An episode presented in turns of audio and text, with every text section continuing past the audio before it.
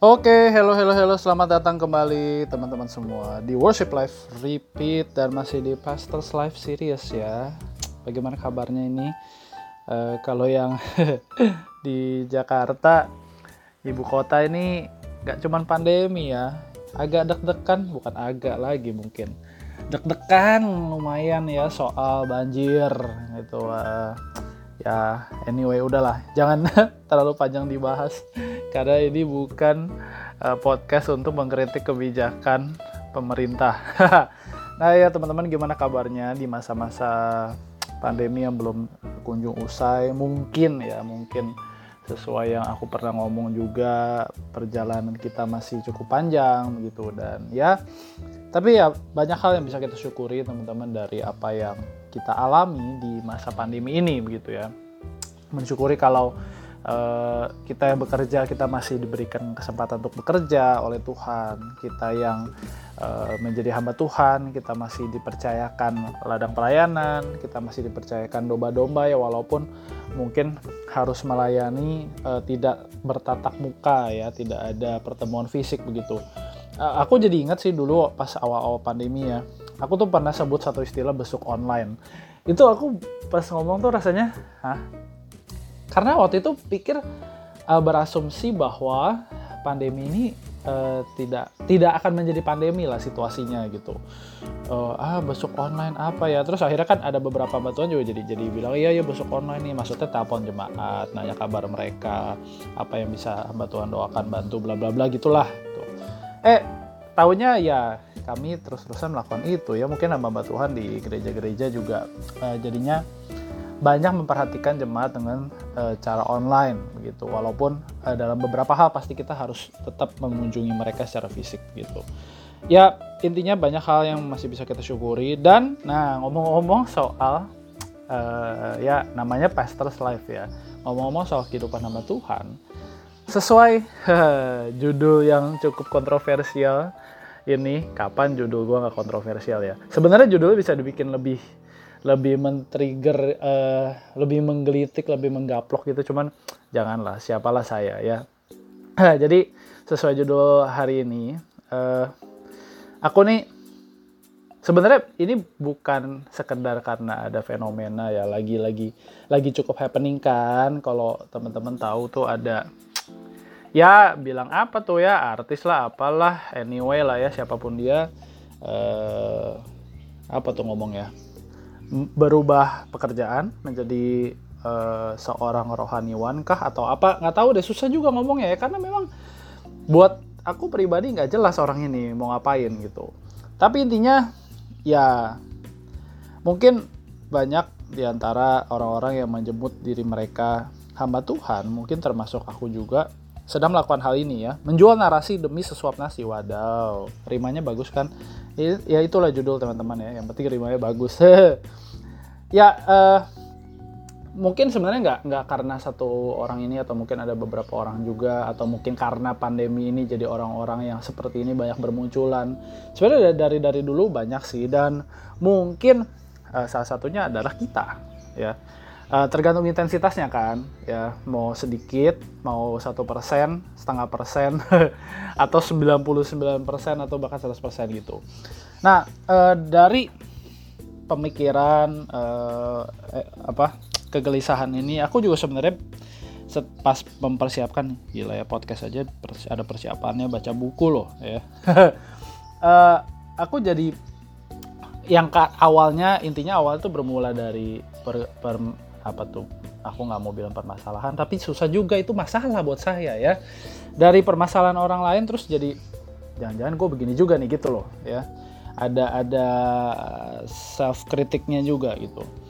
Jadi uh, khususnya teman-teman yang hamba Tuhan ya mari kita memikirkan ulang nih apa sih yang sebenarnya sedang kita kerjakan selama ini gitu. Jadi aku kan uh, lagi baca satu buku harusnya udah habis sih. Karena bacanya loncat-loncat ya jadi suka kagak tahu udah habis apa belum gitu. Ada satu buku teman-teman dari uh, Kevin Van Hooser dan Owen Strachan dia tulis mereka mereka menulis uh, sebuah buku berjudul The Pastor as Public Theologian Reclaiming a Lost Vision. Nah jadi di pengantarnya itu mereka uh, membuat intro bahwa ini aku bacain aja ya biar nggak salah terjemah begitu. The church, the society of Jesus is similarly in danger of becoming secular gitu ya. Terus mereka nulis juga uh, apa nih? Oh, this is not because churches are dispensing with the pastorate. Jadi uh, kan ini kan lagi ngomongin panggilan uh, gereja, bagaimana gereja melihat uh, hamba Tuhan, panggilan seorang hamba Tuhan, kira-kira begitu ya. Terus dia bilang They no longer find its theological character particularly exciting or intelligible. The idea of the pastor as a theologian, one who opens up the scriptures to help people understand God, the world, and themselves, no longer causes the hearts of most church members to burn within them. Dia mengutip Lukas 24 ayat 32 gitu ya. Nah, jadi teman-teman uh, aku kira Van Hooser ini di uh, dan Owen Strachan ini pengantarnya tulis Van Hooser ya. Mereka mengadres hal yang benar gitu. Bahwa ide seorang hamba Tuhan seorang pastor itu adalah seorang teologian itu tuh uh, kalau ada seorang hamba Tuhan ngomong ya ini yang belum berhasil saya datangkan sebagai kolaborator di podcast dia tuh suka bilang tidak populer. Tidak populer lagi gitu. Jadi hamba Tuhan eh, akhirnya orang melihat oh hamba Tuhan itu hanya salah satu dari eh, pekerjaan profesional karyawan swasta gitu kan. Misalnya eh, entrepreneur ya bisnismen pengusaha bla bla bla gitu. Itu hamba Tuhan rohaniwan itu hanya salah satu dari itu ya. Dan uh, si Vanuser juga tulis uh, lagi teologi dia bilang is in exile and as a result the knowledge of God is in ecclesial eclipse gitu. Jadi teologi itu sudah uh, asing, sudah jauh sekali dari kehidupan seorang rohaniwan, seorang hamba Tuhan dan sebagai hasilnya adalah pengenalan akan Tuhan, pengenalan akan Allah itu uh, menjadi sesuatu yang lama-lama akan hilang ya, uh, seperti gerhana aja begitu. Nah, teman-teman uh, ini menjadi sesuatu yang menggelitik aku sesuatu yang apalagi ya ditambah kejadian-kejadian yang tadi begitu ya orang-orang tertentu yang uh, tiba-tiba muncul mengklaim dirinya uh, hamba Tuhan ngajak apa tuh PA lah Bible study whatever itu namanya begitu ya. Bahkan mungkin mau bikin gereja. Ini menjadi sesuatu yang menggelitik sekali teman-teman. Nah apakah uh, hamba-hamba Tuhan itu sekarang sedang kehilangan visi ya seperti yang si Van Hooser dan uh, Strachan ini bilang lost a lost vision gitu. Visi yang hilang eh, nggak uh, nggak tahu mau ngapain. Oh gue mau ngapain ya? Nggak jelas gitu kan misalnya ya atau memang benar terjadi begitu. Ya udah deh mending gue jadi hamba Tuhan. Nah gitu. Nah dari situ mulai deh bikin narasi kan bikin cerita mesti mesti pun cerita dong kenapa saya jadi rohaniwan kenapa sekarang saya uh, mau mendalami Alkitab dan mengajak orang mendalami Alkitab gitu kan ya. Dan uh, panggil dalam tanda kutip panggilan ini akhirnya menjadi sesuatu yang dalam tanda kutip juga populer. Kenapa populer? Lo karena kita, akhirnya orang lihat hamba Tuhan oh cuman salah satu dari pekerjaan profesional sama aja. Ya ada masa-masanya di mana mereka populer ada masa-masanya di mana mereka tidak populer dan akhirnya panggilan-panggilan eh panggilan menjadi hamba Tuhan itu menjadi sesuatu yang komersil. Ya. Uh, komersil dalam artian ya ya coba aja lihat deh berapa banyak. Uh, dulu dulu tuh aku bukan dulu sih kadang-kadang juga sekarang masih suka pakai istilah bisnis jiwa ya Berapa banyak hamba-hamba Tuhan yang baik disengaja maupun tidak disengaja, aku rasa lebih baik yang disengaja, jahat ya gue ya, itu menjadi rohaniwan, menjadi hamba Tuhan karena ingin bisnis jiwa. Supaya banyak jiwa datang kepadaku dan banyak uang datang kepadaku, ya frankly speaking begitu, ya kan. Hamba Tuhan itu menjadi sesuatu yang komersil, bukan lagi menjadi sesuatu yang uh, bisa eh bukan bisa harusnya dipikirkan secara teologis gitu hasilnya apa hasilnya adalah yaitu orang-orang yang datang kepadanya memberikan uang tanpa pertumbuhan lalu apa bedanya balik-balik lagi ya gitu ini cuman hanya salah satu dari pekerjaan yang populer di tengah dunia ini. So what? Gitu kan. Kalau akhirnya gereja hanya menjadi sekumpulan orang-orang yang dikumpulkan untuk datang tiap hari Minggu, kasih persembahan, eh, eh, apa namanya, telinganya dielus-elus, eh, apa namanya, untuk mendengarkan hal-hal yang yang penting enak gitu kan, pulang dengan hati yang sukacita padahal sebenarnya tidak dipuaskan begitu. Nah ini menjadi sesuatu yang mengerikan sekali sih. Akhirnya ya kalau kembali ke judul podcast ini, Tuhan akhirnya cuma jual cerita, jual narasi demi sesuap nasi, demi supaya mendapatkan penghasilan. Apalagi di tengah situasi seperti ini, ya come on lah, jangan jangan jangan apa ya, jangan munafik gitu. Uh, semua orang perlu uang. Salah satu cara mencari uang dengan mudah adalah dengan menarik simpati orang, dengan mengklaim bahwa saya adalah hamba Tuhan. Mantap nggak? ya. Da dan nggak tahu ya, menurutku uh, ya boleh komen, boleh apa terserah lah ya, tanggepin aja. Ini yang sedang terjadi, gitu.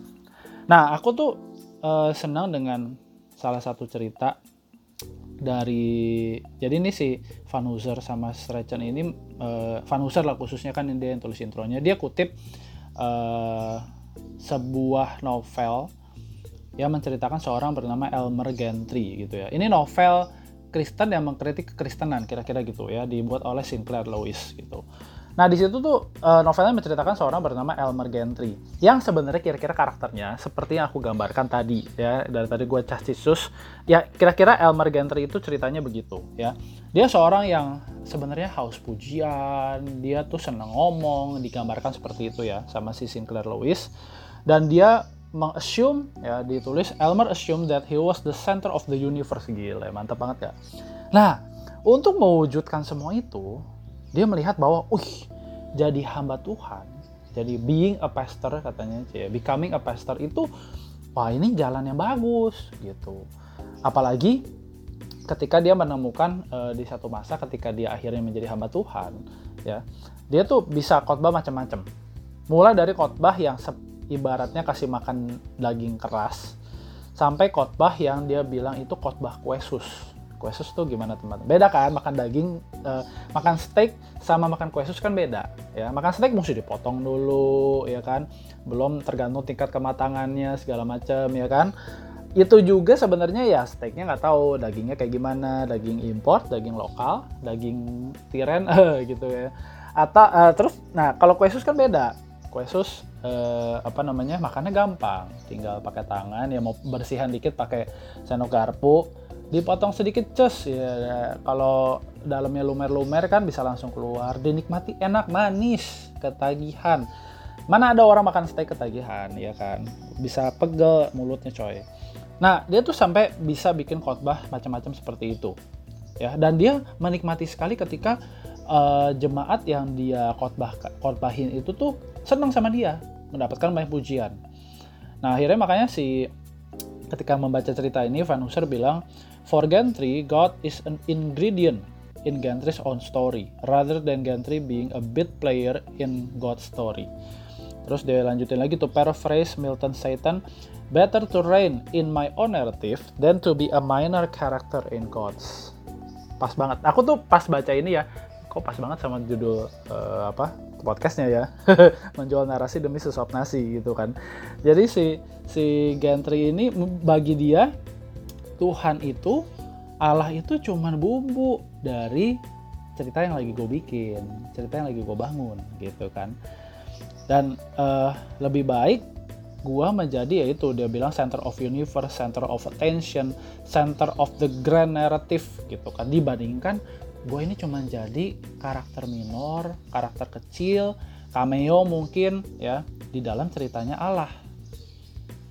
Dan uh, si apa namanya Gentry ini uh, karakter Elmer Gentry ini kata si Van Hooser uh, sangat tepat mempersonifikasi apa yang dikhawatirkan oleh seorang uh, teolog juga bernama Eugene Peterson seorang pastor juga yang mengatakan bahwa pastors will pursue successful careers rather than vocations the magnification of their own names rather than the name of Jesus Christ panggilan menjadi hamba Tuhan sudah bukan lagi panggilan atau vokasi ya, tapi malah menjadi karir untuk sukses.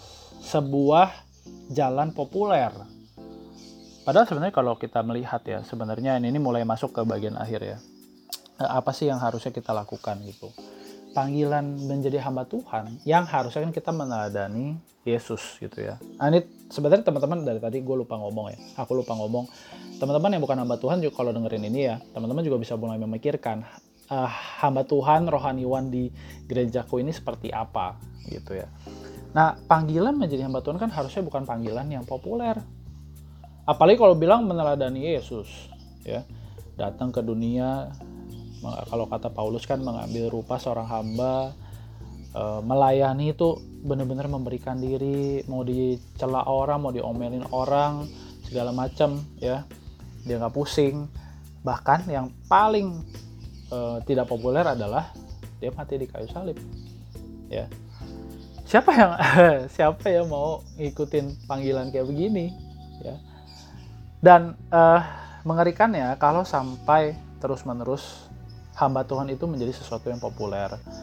Uh, mohon maaf ya. Mungkin kalau ada lagu kan ya harus makin bertambah ku harus makin berkurang. Lagunya terbalik nanti. Ku harus makin bertambah dia ya maksudnya Yesus ya harus makin berkurang. Kayak kayak si Elmer Gentry tadi. Saya ini harusnya menjadi center of attention di story ini bukan Tuhan gitu. Dan ini bisa menjadi sesuatu yang adiktif. Karena e, ramuannya 3M me me me nah, ya dan kalau udah mimi-mimi semuanya tentang saya, maka orang lain orang lain ini bukan siapa-siapa. Orang lain adalah alat atau bahan untuk saya eksploitasi. Nah teman-teman, uh, aku merasa ya, uh, aku ini punya potensi menjadi orang orang-orang seperti ini gitu. Uh, aku nggak tahu sih maksudnya berapa banyak di antara kita, khususnya yang hamba Tuhan tuh menyadari bahwa berapa persen pun tadi kan aku bilang ya 0,5 persen pun 0,05 persen kita tuh punya potensi menjadi seperti Almer Gentry ini gitu.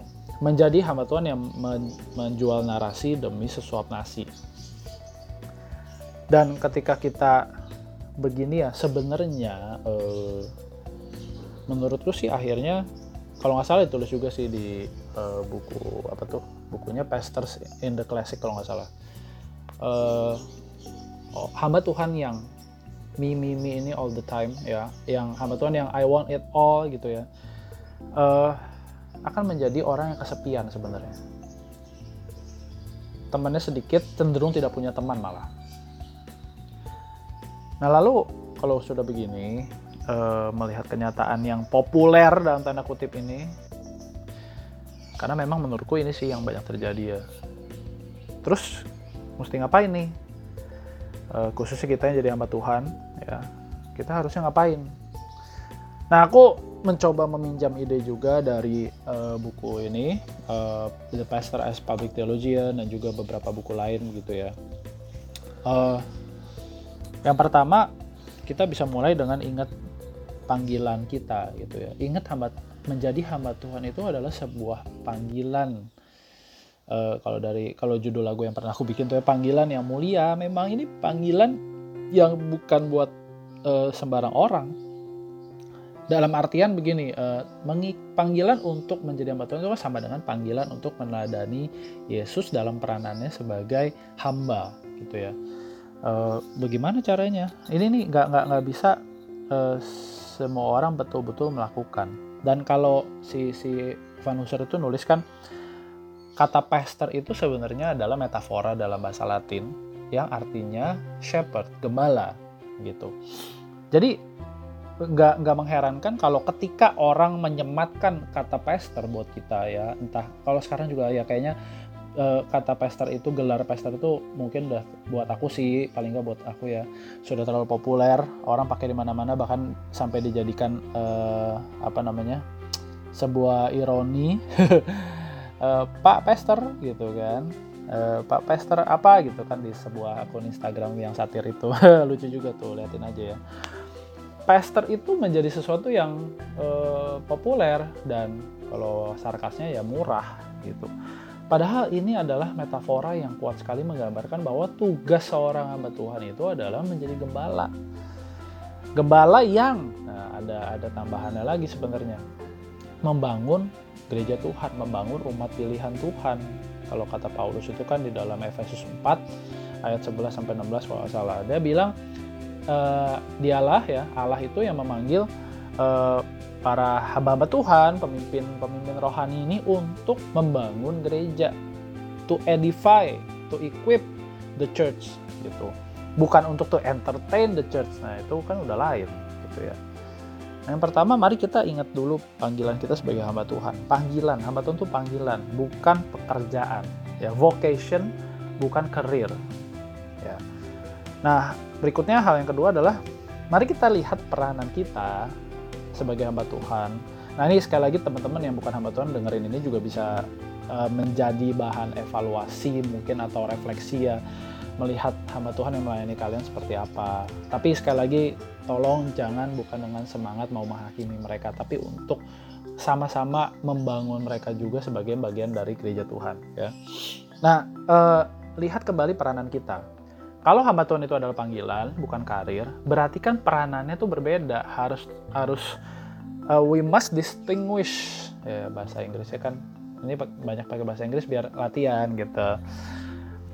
Harus beda peranan kita antara eh, antara kita dengan orang-orang lain yang uh, istilahnya punya karir gitu kan, punya career path, punya uh, nuansa yang mereka adalah pekerja profesional begitu. Karena apa? Karena kita ini bukan sekedar menghadapi uh, orang atau menghadapi sebuah bisnis, menghadapi sebuah proyek, menghadapi sebuah uh, apa ya keputusan-keputusan sifatnya sifat sifatnya profesional. Kita hamba Tuhan itu sedang menghadapi dosa dan manusia berdosa. Dan kita pun sebenarnya kan adalah manusia berdosa gitu.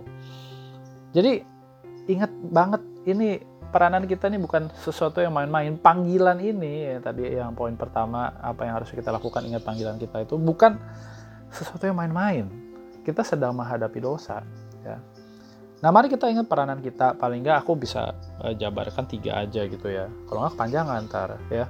Yang pertama sesuai apa yang Tuhan Yesus katakan ya. Anak manusia datang untuk mencari dan menyelamatkan yang terhilang, to seek and save the lost. Aku tuh kemarin pas uh, ikut kuliah tambahan ya, sebelum wisuda itu uh, satu salah satu dosenku tuh ulang-ulang itu terus. Aku tuh sampai iya ya, ini panggilan kita sih harusnya jadi hamba Tuhan diingetin lagi gitu. To seek and save the lost, bukan to entertain. Tuh uh, beda sekali ya. Tuh karena apa? Karena kita lebih dulu ditemukan oleh Tuhan, dicari oleh Tuhan. Di tengah segala ketidaklayakan kita, keberdosaan kita, Tuhan panggil kita jadi hamba Tuhan. Tugasnya apa? Yang pertama ya sama apa yang sudah Tuhan lakukan kepada kita itu yang kita lakukan kepada orang lain, kepada jiwa-jiwa yang masih terhilang, gitu ya. Kemudian yang kedua ya kita proklaim, kita kabarkan, kita khotbahkan, kita beritakan bukan diri kita, tapi apa yang sudah Allah lakukan di dalam Kristus. Apa yang Allah lakukan? Ya menyelamatkan kita, menyelamatkan manusia berdosa, menjadi jalan keselamatan yang harusnya kita beritakan. Tuh, dan Allah juga yang berjanji bahwa suatu saat nanti akan datang waktunya di mana dia akan uh, uh, memenuhi semua alam semesta dengan kehadiran dia gitu ya uh, di langit dan bumi yang baru itu gitu. Ada ada pengharapan loh ketika uh, apa namanya firman Tuhan Injil itu diberitakan dan itu pengharapan-pengharapan itu bukan omong kosong yang harusnya diberitakan oleh hamba Tuhan. Dan yang terakhir adalah ya seperti tadi tugas kita adalah harusnya mengedify, membuild up gereja eh, umat Tuhan. Ya mari kita lakukan itu dengan cara bantu kita bantu jemaat untuk menemukan identitas mereka, peranan mereka di tengah dunia ini. Ya.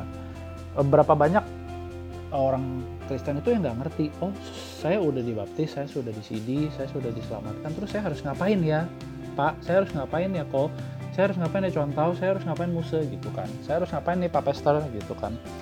Nah bantu gereja bantu jemaat Tuhan untuk tahu identitas mereka dan peranan mereka di tengah dunia ini. Dengan segala uh, apa namanya pekerjaan atau panggilan hidup yang Tuhan berikan pada mereka Nah, mari kita bantu mereka, arahkan mereka, uh, bantu mereka untuk melihat bahwa dunia ini tidak seperti yang lo lihat dulu, gitu. Kalau dulu mungkin mereka melihat dunia ini sebagai sanctuary mereka, sebagai ibaratnya kalau James Smith itu kan bilang mall, ya.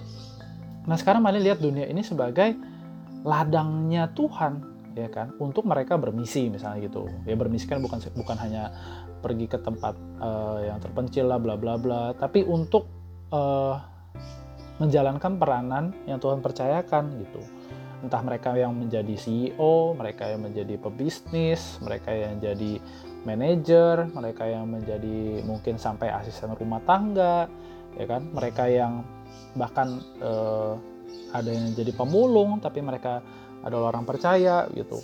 Apa pun yang Tuhan percayakan kepada mereka eh, sebagai orang percaya, ya itu yang harus kita bantu untuk mereka lakukan gitu. Mereka menemukan mereka tahu oh iya untuk apa gue diselamatkan gitu. Nah uh, sampai di situ dulu teman-teman. Uh, kalau diterusin nanti panjang ya.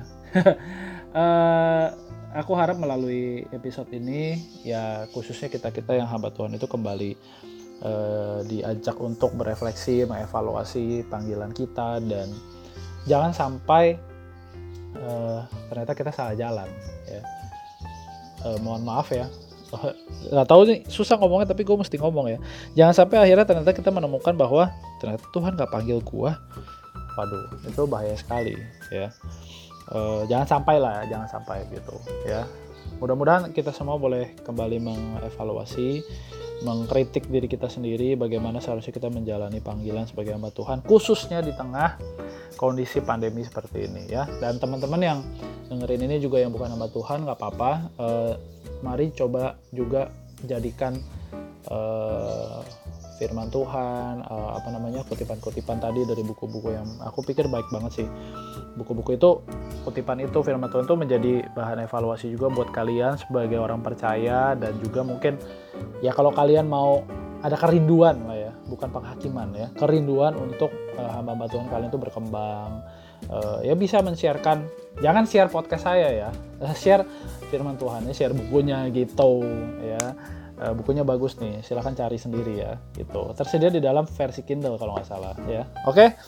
sampai jumpa teman-teman di episode-episode berikutnya. Dan uh, aku nggak bosan-bosan ingetin uh, silahkan leave comment leave apa pun ide topik segala macam di Instagramku boleh juga begitu ya dan uh, mudah-mudahan dalam waktu dekat ada teman-teman yang bisa diajak kolaborasi ini ya kan. Biar ngobrolnya lebih seru gitu.